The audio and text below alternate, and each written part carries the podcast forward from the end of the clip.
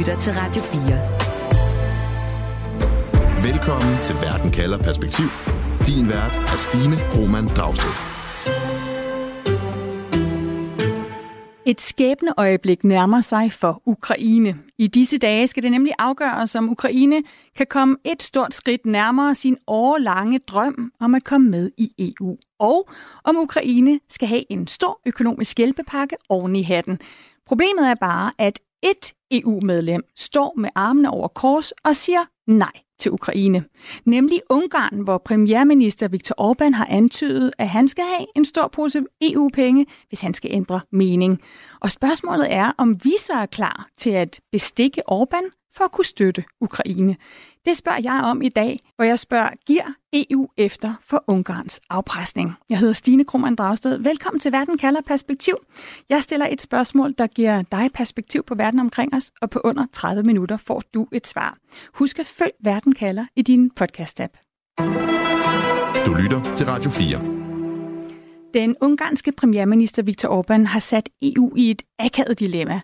Alle andre i EU har lagt op til, at i den her uge, der skal ukrainerne have det, de har kæmpet for i overvis. De skal have adgangsbilletten til at forhandle om et medlemskab af den europæiske union. Og endda også en vigtig hjælpepakke på flere hundrede milliarder kroner. Og så skal der altså bindes en flot sløjfe på et EU-topmøde, der finder sted i dag og i morgen. Men der havde de altså lige glemt at tage højde for Ungarns Viktor Orbán. Og det er en mand, du holder godt øje med. Vibe Termansen, velkommen til Verden kalder. Tak skal du have. Journalist og forfatter til blandt andet til bogen I skyggen af Rusland. Vibe, du kan måske fortælle mig, hvad er det Orbán han er ude på? Øh, først og fremmest så er han ude, ja, han er ude på to ting. Altså sådan øh, her og nu, så er han ude på at få en hel masse penge. Der er 30 milliarder øh, euro, der er, der er indefrosset af midler, som egentlig som Ungarn skal have, men som de ikke har fået, fordi de ikke overholder øh, værdierne i artikel 2 i EU-traktaten med demokrati og retsstat, og fordi de er korrupte. De penge bliver tilbageholdt lige nu her. Dem vil han have. Og han, det lykkedes faktisk i går eftermiddags, der, der sagde EU-kommissionen, okay, du kan få lov at få de første 10 milliarder, og nu vil han have resten. Så det er det, han vil have her og nu. Men på et øh, sådan mere overordnet plan, længere øh, sådan ud i fremtiden, øh, øh, så kunne han nok godt tænke sig at være med til at destabilisere øh, Vesten, simpelthen. Han havde en, øh, hans analyse af, hvad der vil ske i fremtiden, lagde han klart frem allerede tilbage i 2014. Han holder sådan en stor tale hver sommer, sådan en State of the Union-tale. Og der i 2014, øh, der talte han om øh, illiberal demokrati. Han introducerede begrebet illiberal demokrati, og, og det han gjorde, det var øh, altså at, at dele demokratibegrebet op, ligesom om, at der findes flere forskellige slags demokratier. Det demokrati, I har i Vesten, det kaldte han liberal demokrati, men så mente han, der var en slags mere, som han kaldte illiberal demokrati. Og det er det, han selv har øh, indf- fået indført i, i Ungarn, og han nævnte specifikt der Rusland. Så, så det er hans fremtids, hans analyse af fremtiden er, at det vil gå op for stater som Rusland og gå ned for stater øh, i Vesten. Så derfor er det i hans interesse at, der, øh, at være gode venner med Rusland, og det er det, han praktiserer hele tiden. Og det er i hans strategiske interesse, at det vil gå dårligt for Ukraine, for så kan han sige til sin befolkning, den ungarske befolkning derhjemme, kan I se, hvad jeg sagde? Jeg havde ret i min analyse. Men Vibe Orbán er jo den eneste EU-leder, der lige nu ikke vil sige ja til ukrainsk EU-medlemskab. Så hvorfor kan EU så ikke bare vedtage, at øh, Ukraine de skal, de skal have lov til at forhandle om medlemskab alligevel? Det er fordi, lige nøjagtigt det, der skal der være, øh, altså det, der kan man veto det. Der skal alle EU-landene være enige om det. Den hjælpepakke, du også talte om, 50 øh, milliarder euro til Ukraine, der behøver de landene i virkeligheden ikke være enige. Der kan de 26 andre EU-lande gå sammen og så sige, vi gør det bare. Hvis Ungarn siger, at de ikke vil være med, så er de bare ude. Vi gør det bare. Men det der med at forhandle om nye medlemsstater, der skal alle være enige, så der skal man have, have, have Viktor Orbán med. Og noget andet, han ud over pengene og sådan den, den højere analyse af, hvordan fremtiden vil være, det er, at han kunne godt tænke sig, at et land som Serbien kommer med.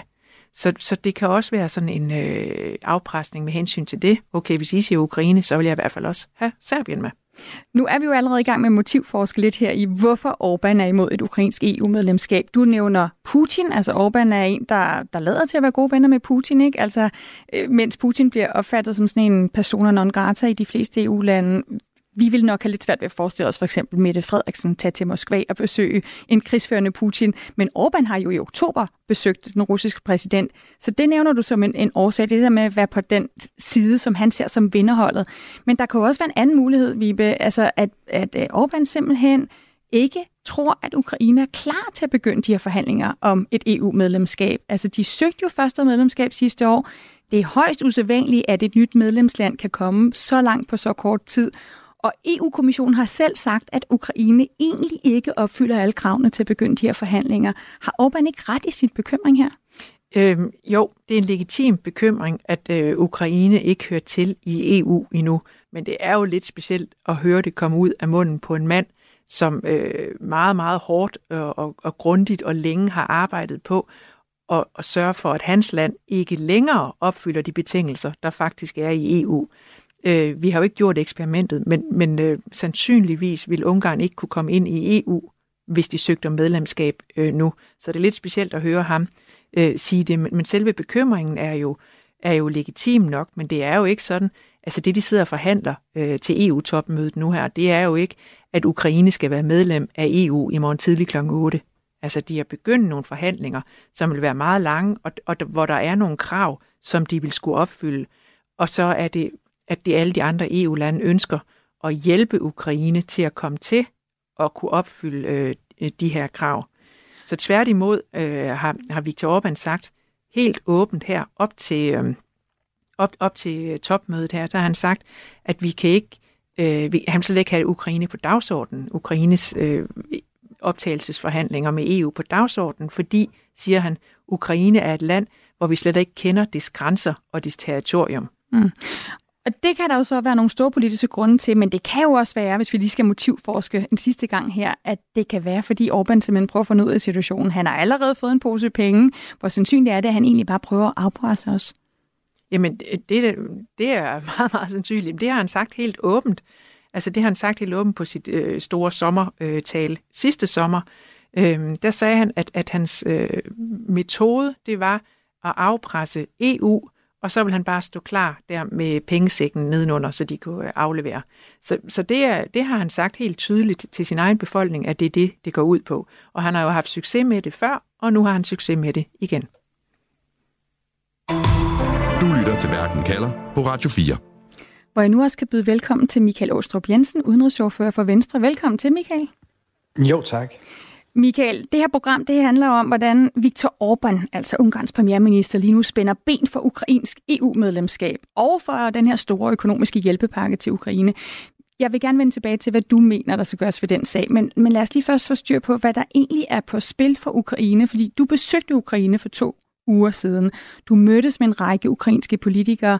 Hvad fortalte de dig om den situation, Ukraine står i lige nu? Hvorfor er det, der sker i EU lige nu, så vigtigt for Ukraine?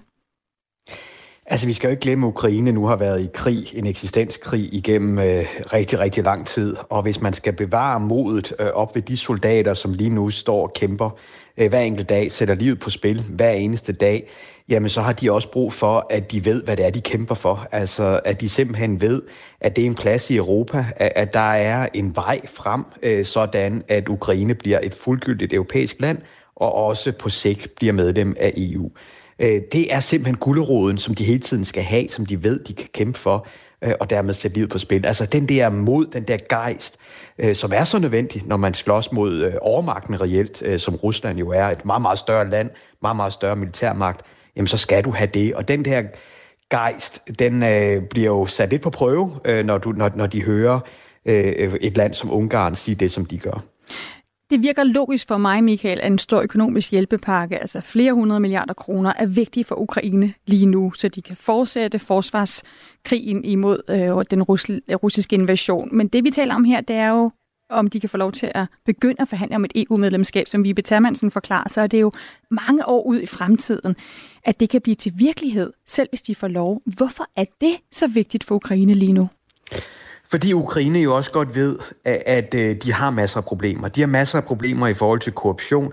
De har masser af problemer med øh, industrien, der ikke er strømlignet med det offentlige system, som ikke har øh, iværksat de nødvendige reformer. Selvom de har indført rigtig mange reformer, så er de stadigvæk noget stykke vej fra et, skal vi sige, almindeligt europæisk vestligt land.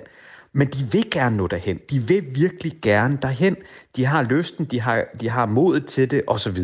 Og der har de brug for vores vejledning, de har brug for vores øh, øh, eksempler, øh, øh, penge til at komme derhen, osv. Og det er jo det, en EU-forhandling vil gøre. Det vil gøre, at vi, at vi, vi giver dem den rådgivning, vi giver dem den mulighed for at opfylde de såkaldte Københavner-kriterier. Øh, og det pres, som også nogle gange er nødvendigt mod sådan et gammelt system. Og, og, og det vil især politikerne i parlamentet i Ukraine meget, meget gerne på, det tog. Så har vi Michael Åstrup, en, der står og spænder ben lige nu. Han hedder Viktor Orbán. Han er Ungarns premierminister. Han er imod, siger han helt klart, at Ukraine skal være medlem af, af EU. Han mener, siger han også, at de ikke er klar. Øhm, og ifølge EU-kommissionen, så lever Ukraine jo faktisk heller ikke op til alle de her krav for at begynde at forhandle. Hvorfor har Viktor Orbán, uanset hvad man så ellers måtte synes om hans motiver, hvorfor har han så ikke en pointe i, at Ukraine må vente til landet lever op til kravene?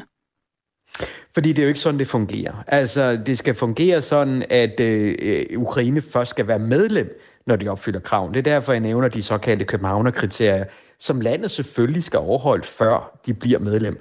Ellers vil det også være skadeligt for EU, hvis Ukraine bliver medlem, før de er klar. Men for at nå den vej, altså for at nå derhen, jamen så skal de også i gang med de her forhandlinger, så vi kan komme i gang med forhandlingerne, med rådgivning og alle de her forskellige skridt.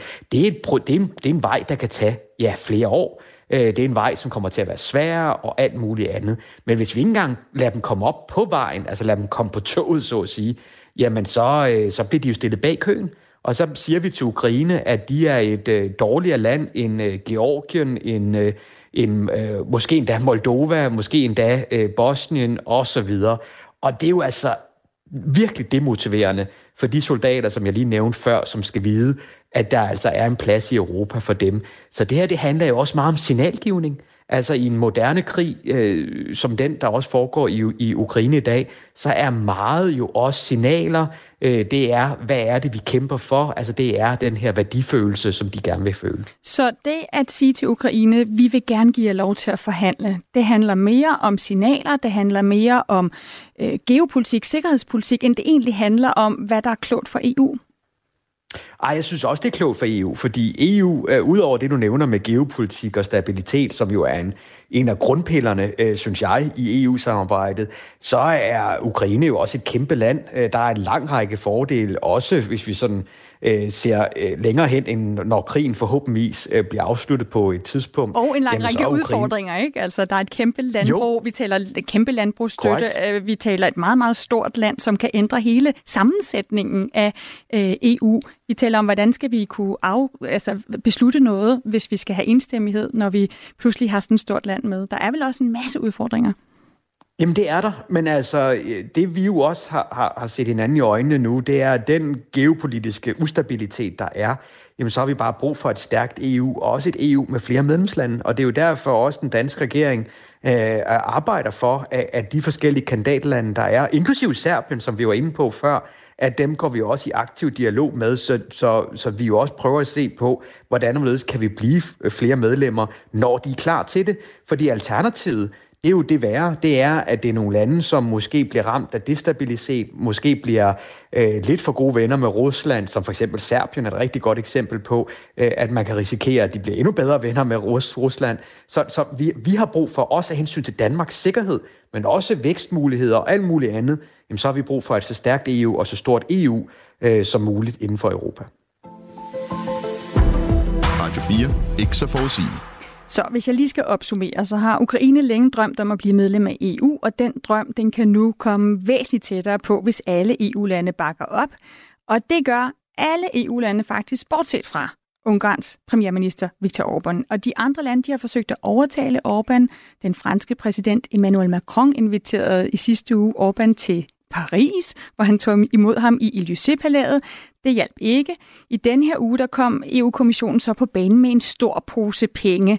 76 milliarder kroner for at være præcis. Og det er penge, som egentlig skulle have været udbetalt i EU-støtte til Ungarn. Den støtte blev stoppet, fordi Ungarn nemlig ikke selv lever op til EU's regler, når det kommer til domstolenes uafhængighed til bekæmpelse af korruption. Men nu er EU-kommissionen pludselig klar til at sende penge afsted til Ungarn, og hvis man skal tro kommissionen selv, så er timingen fuldstændig tilfældig. Vibe Termansen, du er stadig med os. Tror du også, at det er helt tilfældigt, at Viktor Orbán pludselig kan få nogle penge fra EU-kommissionen, netop fordi de skal til at få styr på, om han vil sige ja eller nej til Ukraine? Nej, det tror jeg ikke er sådan helt tilfældigt. Men det er rigtigt, at der var en frist øh, i morgen, den 15. december. Det var der, øh, EU-kommissionen skulle øh, tage stilling til det her. Men, men, det, øh, men ja, det falder meget, meget belejligt sammen med det her topmøde, øh, hvor Viktor Orbán kan bruge det som afpresning. De her penge, de er jo ikke altså de er blevet udbetalt, fordi Ungarn ikke har levet op til EU's regler, blandt andet om det her med at have uafhængige domstole, Altså lever de op til de regler nu, siden at de her penge kan blive udbetalt? Altså, øh, Ungarn har faktisk vedtaget noget lovgivning øh, om, omkring øh, retssystemet, og, og de har fløjet frem og tilbage til Bruxelles og diskuteret de her ting. Øh, sagen er, at det ikke er helt øh, vedtaget, alle, alle lovene, øh, og så er der også noget med, hvordan de vil blive implementeret, hvordan de vil blive brugt. Øhm, og, og der kan man se, altså noget af lovgivningen, det går ud på øh, Kuria, på højesteret i, i Ungarn, som, hvor der sidder en politisk udnævnt øh, præsident, som styrer det hele, men der faktisk er nogle lommer inde i højesteret i Ungarn, som har handlet uafhængigt. Blandt andet det, der hedder panel 2, som har gjort nogle ting, som den ungarske regering ikke brød sig om.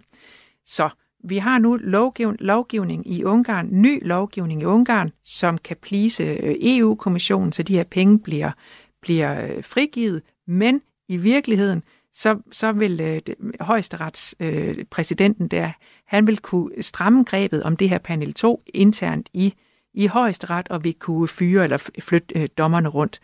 Så mm. hvordan det bliver implementeret er noget helt andet, og i øvrigt så har Viktor Orbán, den sidste ting, han har to tredjedels flertal i parlamentet, så han kan vedtage den her lovgivning, så kan han få pengene fra EU, og så kan han i nat trække lovgivningen tilbage.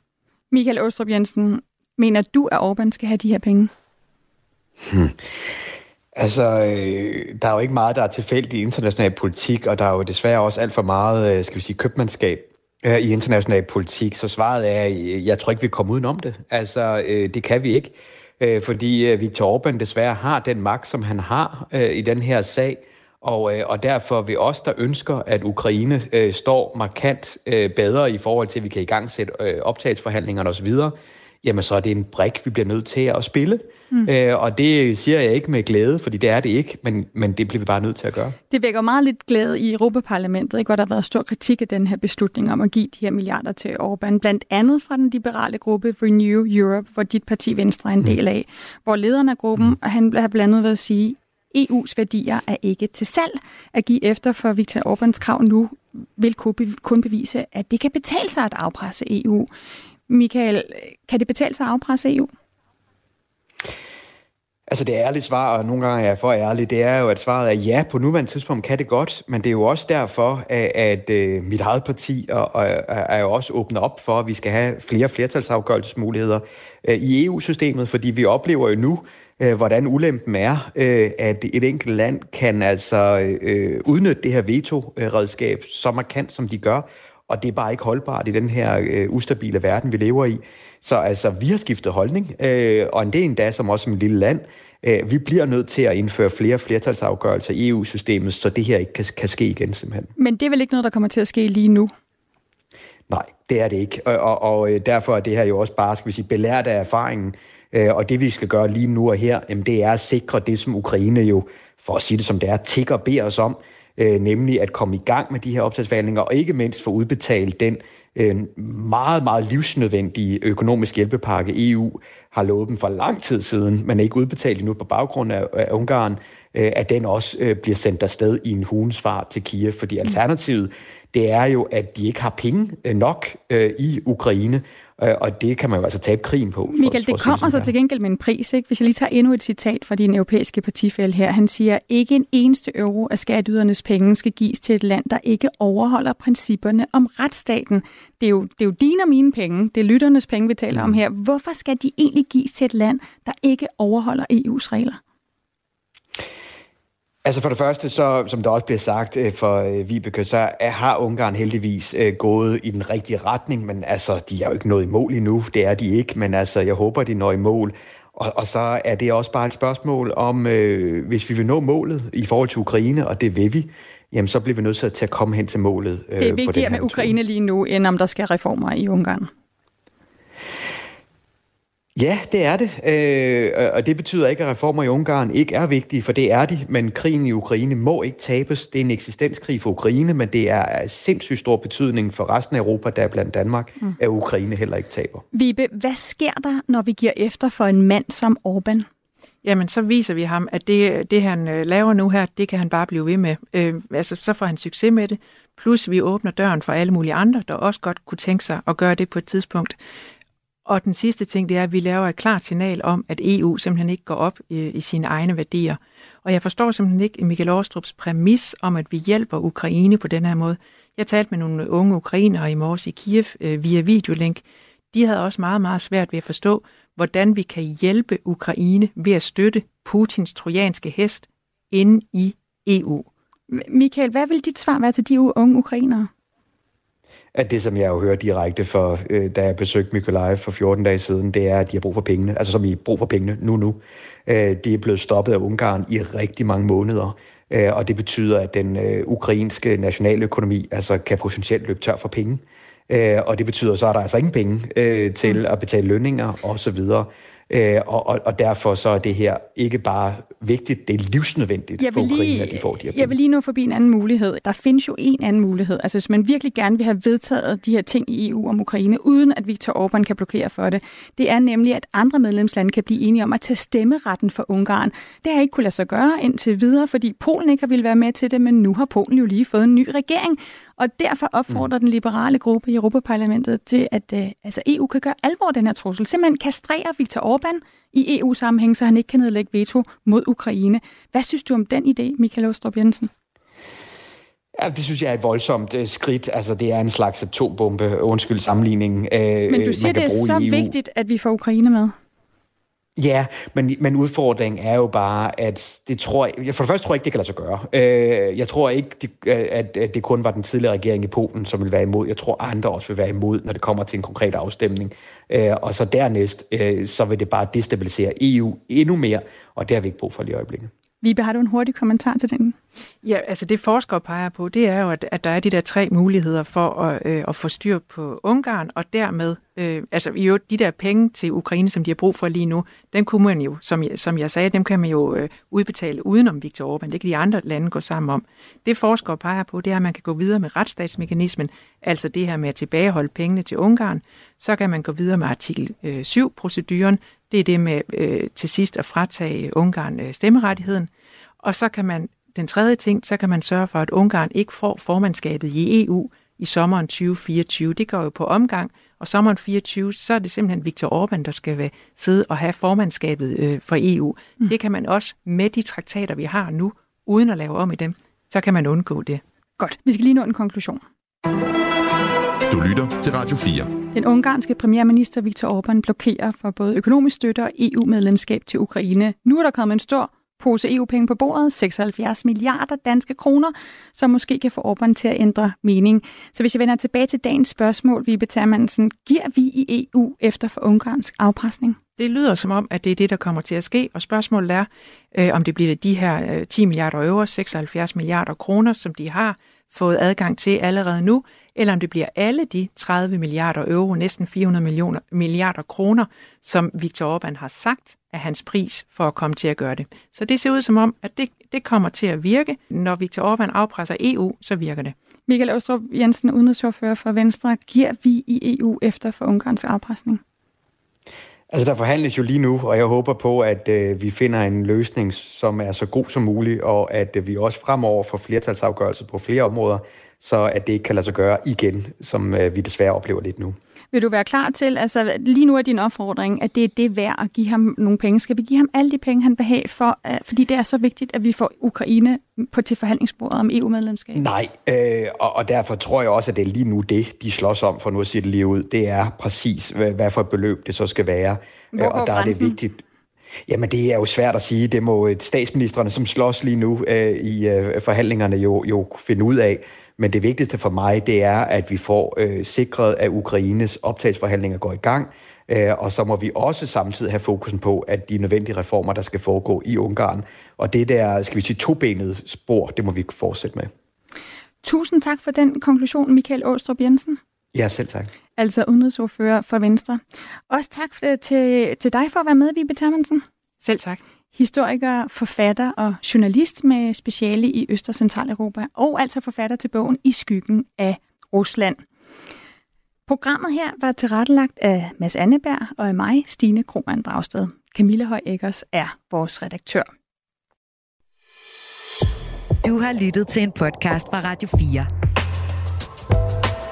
Find flere episoder i vores app, eller der, hvor du lytter til podcast. Radio 4.